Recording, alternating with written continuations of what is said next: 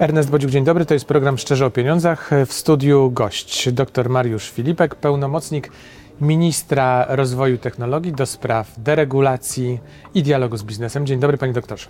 Dzień dobry panie redaktorze, dzień dobry państwu. Dialogu gospodarczego, ale Dialogu gospodarczego tak, ale chociaż możemy pomyśleć o dialogu, przydałby się dialog w ogóle w społeczeństwie w dzisiejszych czasach, ale tak, my się skupimy na dialogu e, gospodarczym. E, panie doktorze, pierwsze pytanie w zasadzie proste. Po co taki pełnomocnik e, został przez ministra powołany? Po czym w ogóle pan ma się zajmować? Czym pan się zajmuje? No bo to już trwa przecież. tak, to już trwa od 31 stycznia, bo w tymże dniu zostałem powołany przez pana ministra Krzysztofa Hetmana na tę funkcję.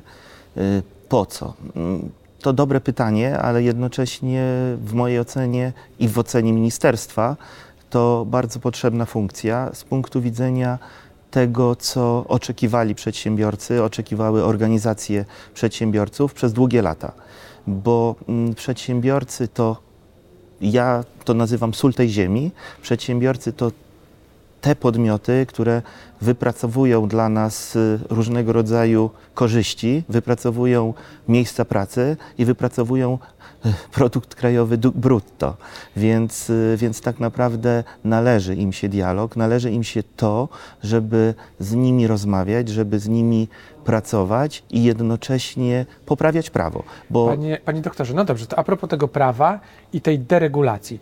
Skoro deregulacji, to znaczy, że my jesteśmy przeregulowani, jeśli chodzi o zapisy prawa wiążące przedsiębiorców, tak? Tak uważam. Tak uważam. Jest mnóstwo ustaw, które wzajemnie się wykluczają. Jest mnóstwo ustaw, które nakładają różnego rodzaju obowiązki na przedsiębiorców, które do końca nie są potrzebne, bo można dojść do tego samego celu szybszą drogą i bez angażowania dodatkowych środków finansowych. Ale to chyba taka funkcja na 10 lat do przodu, bo No, nie, wiem, za- ile czasu trzeba na zmianę wszystkich przepisów, które są niepotrzebne. Panie redaktorze, pracujemy bardzo intensywnie. Ja pracuję już y, ponad trzy tygodnie. Y, udało się już y, odbyć pierwsze spotkanie zespołu deregulacyjnego. Odbyło się to półtora tygodnia temu. Powołaliśmy y, do tego zespołu, zaprosiliśmy, może to złe słowo, powołaliśmy, zaprosiliśmy y, przedstawicieli różnego rodzaju y, środowisk. Środowisk i tutaj, tak jak pan redaktor powiedział na samym początku, środowisk biznesowych, ale także środowisk eksperckich, ale także środowisk organizacji przedsiębiorców, bo mamy wszelkie organizacje przedsiębiorców, które są tak zwanymi y, organizacjami reprezentatywnymi, a więc uczestniczą w Radzie Dialogu Społecznego. Mamy też y, organizacje eksperckie, które w mojej ocenie są niezbędne po to, żeby, żeby poprawiać prawo, żeby regulować to, co można usprawnić, co można, gdzie można pomóc przedsiębiorcom. Jeszcze jedną myśl tylko pozwolę sobie dokończyć. W mojej ocenie, i ja tak uważam, że dobre prawo winno być tworzone w bardzo dużym dialogu. Nie mogą go tworzyć tylko i wyłącznie eksperci teoretycy, ale muszą go tworzyć i eksperci teoretycy, ale i eksperci ci, którzy to prawo stosują, do tego prawa się stosują i to prawo mają na co dzień. Panie doktorze, no dobrze, to tak mówiąc wprost, co przedsiębiorców boli dziś najbardziej? Przedsiębiorców, to już jeszcze raz powtórzę, bolało to przez y, kilka ostatnich lat, że nikt z nimi nie rozmawiał, nikt nie słuchał ich głosu, że nie zastosowywał się do ich bardzo słusznych wielokrotnie sugestii co do stosowania i co do realizacji prawa. Przedsiębiorców boli również to, że zmiany, które następowały w prawie, były zmianami bardzo szybkimi. Przedsiębiorcy walczą i to jest idea, y, idea tej y, ministerstwa, tak powiem, żeby wydłużyć tak zwane vacatio legis, a więc ten okres, kiedy przedsiębiorca przygotuje się do zmiany. To jest dla przedsiębiorcy Czyli bardzo zmiany ważne. będą wchodziły nie od następnego miesiąca, tylko na przykład od początku roku, albo będziemy mieli ileś miesięcy na przygotowanie się do tych zmian, przygotowanie organizacji czy struktury w firmie i będziemy wiedzieli, y, co ma się wydarzyć, tak? Tak, no przedsiębiorca nie może być zaskakiwany. To jest y, człowiek, który pracuje w określonej branży i jeszcze jeżeli dodamy do tego śledzenie bie, na bieżąco prawa, które zmienia się z dnia na dzień, oczywiście to mówię w wielkiej przenośni, no powoduje w jego y, działaniu chaos. Tego chaosu nie może być, bo jeszcze raz to powtórzę, przedsiębiorcy są bardzo ważni. No dobrze, to y, pierwszy pakiet de, deregulacyjny kiedy? Y, Czy za wcześnie, żeby o tym mówić? Nie, pracujemy nad tym, y, nad tym pakietem. Już został, y, został, został kon- konsultowany z, z innymi resortami. Mamy nadzieję, że, mamy nadzieję, że tak naprawdę ten pakiet zacznie być procedowany formalnie na przełomie marca, przepraszam, na przełomie lutego i marca, a więc to już za chwilę. Został również przedstawiony te, ta forma, ten projekt pakietu został przedstawiony właśnie przedsiębiorcom i organizacjom przedsiębiorców na y, pierwszym zespole. Przyjęty został w mojej ocenie bardzo, ale to bardzo pozytywnie. Ja, y, jest kilka fajnych zmian. Ja powiem tak, o takich, które, y, które mm, przedsiębiorcy chcieli od dawna. Mhm. Zacznę od y, mm, definicji rzemieślnika, o którą przedsiębiorcy, czy- czyli, czyli rzemieślnicy, walczą od wielu, wielu, wielu lat. Nawet mm, przedstawiciel Izby Rzemi- Rzemiosła był na spotkaniu i mówił, że to jest nie wiem, 8-9 lat, gdzie, gdzie, gdzie próbują to, to y, zrealizować, gdzie próbują. Wydawałoby się, że taki zawód już nie istnieje w ogóle, że w A- dzisiejszych czasach jest wręcz niespotykany. Ja wiem, że rzemieślnik to nie jest jeden konkretny zawód, tylko seria tych zawodów, ale Panie redaktorze, a fryzjerzy chociażby? Jest niezliczona rzesza rzemieślników, którzy to rzemieślnicy naprawdę dają niesamowity efekt biznesowy. i, co, i teraz będzie y, ten zawód opisany w jakiś Tak, sposób? będzie opisany w ustawie. Mało tego, y, tak jak y, pozwolę sobie jeszcze dokończyć, rzemieślnicy o to walczą od lat. Zostało to y, obiecane i w tym momencie ta definicja zostanie zrealizowana w pierwszym pakiecie. I co to da tym, tymże rzemieślnikom? W mojej ocenie zostanie to sformalizowane, zostanie również powiedziane, kim jest rzemieślnik, jakie ma prawa i jakie ma też obowiązki, ale przede wszystkim zostanie upodmiotowiony. Mhm. Czyli rozumiem, że w tym pierwszym pakiecie deregulacyjnym e, nastawiacie się głównie na mikroprzedsiębiorców. Y, pewnym sensie tak, bo drugą taką zmianą, która też była zapowiadana, to jest y, zm- zmiana kontroli. Czyli dla mikroprzedsiębiorców zmiana kontroli z 12 dni ma zostać zmieniona na dni 6. I to jest bardzo Czyli ważne. możliwych dni kontroli w roku, tak? Może, tak. I to jest bardzo, y, bardzo ważne, bo to znowu to są ci najmniejsi. Ci, którzy nie mają rzeszy doradców, nie mają rzeszy y, pełnomocników, nie mają. No, to, to dobrze by było tutaj do, doprecyzować, bo mikroprzedsiębiorcy to zazwyczaj to są takie firmy albo jednoosobowe działalności, albo e, takie, które zatrudniają nie wiem, dwie, trzy, pięć osób, e, czyli rzeczywiście najmniejsze, czy zakłady, czy sklepiki, czy jakieś punkty usługowe.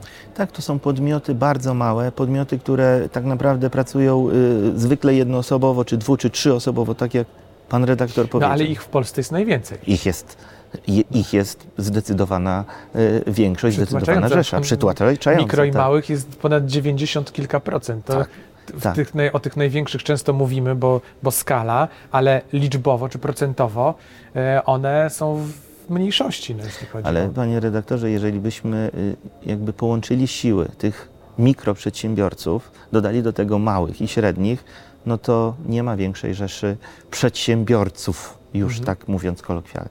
No dobrze, i wracając dla tych mikro, mikroprzedsiębiorców, skrócenie czasu możliwej kontroli, tak? To jest ten pierwszy, To znaczy pokazanie, jaka jest ile ma trwać i w mojej ocenie jest to bardzo ważne, bo, bo, bo tak jak mówię, no, ten, ten czas musi być pewny. Mało tego, y, też jest taka idea, żeby przed kontrolą, czyli przed zapowiadaną kontrolą, była lista y, informacji dla tego mikroprzedsiębiorcy, lista informacji, lista dokumentów, jakie on ma przedstawić, jeżeli już ta kontrola się y, zacznie, kontrola Żeby mógł się rozpocznie przygotować do niej. żeby mógł się właśnie przygotować, żeby nie był zaskakiwany. No idea jest w mojej ocenie bardzo słuszna. No ale tutaj niektórzy podniosą zaraz taki argument pewnie, że właśnie o to chodzi w kontroli, żeby zaskoczyć, żeby wykryć ewentualne nieprawidłowości. Nie, panie redaktorze, bo przynajmniej ja stoję na takim stanowisku. Tu nie ma wrogów czy przeciwników, tu nie ma dwóch przeciwstawnych stron. Uważam, że y, i organy państwa, i przedsiębiorcy powinni działać dla dobra tego państwa. Więc nikt nikogo nie może zaskakiwać, bo nie można traktować y, przedsiębiorcy negatywnie, tylko trzeba go traktować z, z godziwą dla niego czcią i szacunkiem jako osoby, która, jak mówię, pracuje dla tego państwa, bo płaci podatki. A do tej pory tak nie byli przedsiębiorcy traktowani? Ja nie chcę mówić o tym, co było. Ja chcę patrzeć w przyszłość i mówię tak, jak ja uważam i tak, jak ja traktuję przedsiębiorców. No dobrze, a y, to jest pierwszy pakiet deregulacyjny. Mikroprzedsiębiorcy, rzemieślnicy, coś jeszcze w nim będzie? Jest jeszcze taka y, typowo, y, znaczy będzie wiele zmian, ale to Mhm. są już zmiany takie y, dość szczegółowe, które, które są, są jakby do poszczególnych ustaw. Ale taką Mhm. fajną zmianą też, o której chciałbym powiedzieć, jest zmiana z punktu widzenia kodeksu postępowania administracyjnego. I chodzi tutaj o tak zwane odwołanie od decyzji i pewność wytycznych y, y, decyzji organu dru- y, drugiej instancji. To znaczy, jeżeli y, ktoś odwołuje się od decyzji pierwszej instancji i druga instancja uchyla tę decyzję, Mhm. ta decyzja wraca do organu pierwszej instancji celem ponownego rozpatrzenia tej sprawy, to wytyczne z organu drugiej instancji będą wiążące dla tego organu pierwszej instancji. To znaczy ma zrealizować to tak, jak wskazał mu organ drugiej instancji. Czyli ma się zastosować do tego, co organ drugiej instancji stwierdził. Panie doktorze, a y, czy można dzisiaj w ogóle szacować, ile tych pakietów deregulacyjnych będzie i jak to zostanie w czasie rozłożone? Znaczy, m, I nazywali... czego one będą dotyczyły? No bo to pewnie jakiś kalendarz działań ma Pan przynajmniej w zarysie ułożony. Znaczy, wchodząc do ministerstwa, miałem w głowie i mam w głowie mnóstwo pomysłów. Chcę, jeżeli na ile mi się to uda i na ile mi tak naprawdę yy, no, p- p- pozwolą sprzyjające okoliczności, chcę na pewno yy, zrealizować rzecz następującą. To znaczy usprawnić obowiązujący system prawa, ujednolicić go dla przedsiębiorców y, dojść do celu mniejszą ilością dokumentów i mniejszą ilością formalności, przy założeniu, że oczywiście w żadnym razie nie będziemy redukować etatów, bo ci ludzie też są potrzebni w urzędach. To pytanie teraz z drugiej strony, bo tak się zastanawiam, skoro powstało takie stanowisko pełnomocnika ministra do spraw dialogu z biznesem i deregulacji, czy deregulacji i dialogu z biznesem, to pewnie jest wiele osób, które, czy instytucji, które pukają do, do pana drzwi. Kto się, no, nie chcę powiedzieć dobija, ale komu zależy, kto chce się spotkać, kto chce rozmawiać, skąd, z jakich stron płyną te informacje dotyczące deregulacji, czy tego, co powinno zostać zderegulowane. Panie redaktorze, y, to Wszyscy tak, to tak, od żebyśmy powiedzieli sobie, nie, nikt się nie dobija. Te drzwi, moje drzwi, w, w cudzysłowie oczywiście, takie e, wirtualne, są jak najbardziej otwarte. Po to został e, po to zostało powołane takie stanowisko, po to została powołana taka funkcja, żeby właśnie y, nie dobijać się, bo czy pan minister, czy y, wiceministrowie są, y, proszę mi wierzyć, naprawdę to nie to, że nie mają czasu dla przedsiębiorców, oczywiście, że mają czas dla przedsiębiorców, ale żeby jeszcze bardziej usprawnić tę komunikację, po to jest ta funkcja. I wracając do tego, kto się, kto się zapowiada na ewentualne wizyty, to są oczywiście różnego rodzaju organizacje przedsiębiorców. y, różnego rodzaju przedsiębiorcy. Ja nie będę wymieniał ich z nazw, bo jest ich y, nie, naprawdę niezliczona ilość, czy też y, y, są to różnego, różnego rodzaju rodzaju, tak. stowarzyszenia i ja naprawdę y, naprawdę się z nimi spotykam. Jest to naprawdę bardzo duża y, ilość, y, ilość podmiotów, ale będę, będę tutaj y, szczery. To bardzo, ale to bardzo cenne spotkania. To bardzo spotkania merytorycznie inspirujące i pokazujące, gdzie są ewentualne luki, gdzie są, no nie chcę powiedzieć błędy, ale gdzie coś trzeba zmienić. Bo to, to co powtarzam, to są ci ludzie, którzy cały czas są na linii, którzy pracują i widzą, że coś ich boli, coś ich gryzie. E, Panie doktorze, to jeszcze jedno pytanie na koniec. Ja nie wiem, czy to jest w Pana gestii, ale założę się, że przedsiębiorcy, którzy przychodzą, pewnie zadają pytanie, czy w Pana gestii jest deregulacja, zderegulowanie składki zdrowotnej. Tak to e, nazwę, no bo to też boli przedsiębiorców. To e, szersza rozmowa tutaj musi być, czy to jest gdzieś też... E, Panie redaktorze, mm, jeśli chodzi o pełnomocnika do spraw deregulacji i dialogu gospodarczego, to w ramach y, kompetencji wynikających z, z powołania dotyczy to różnego rodzaju sfer związanych z przedsiębiorcami. Natomiast to, o czym pan redaktor powiedział, no to wymaga konsultacji z innymi ministerstwami. No tak, bo to nie jest sprawa tylko samego y, ministra czy pełnomocnika, ale też wpływów do budżetu, e, sytuacji w NFZ-cie później i tak dalej. E, I tak dalej.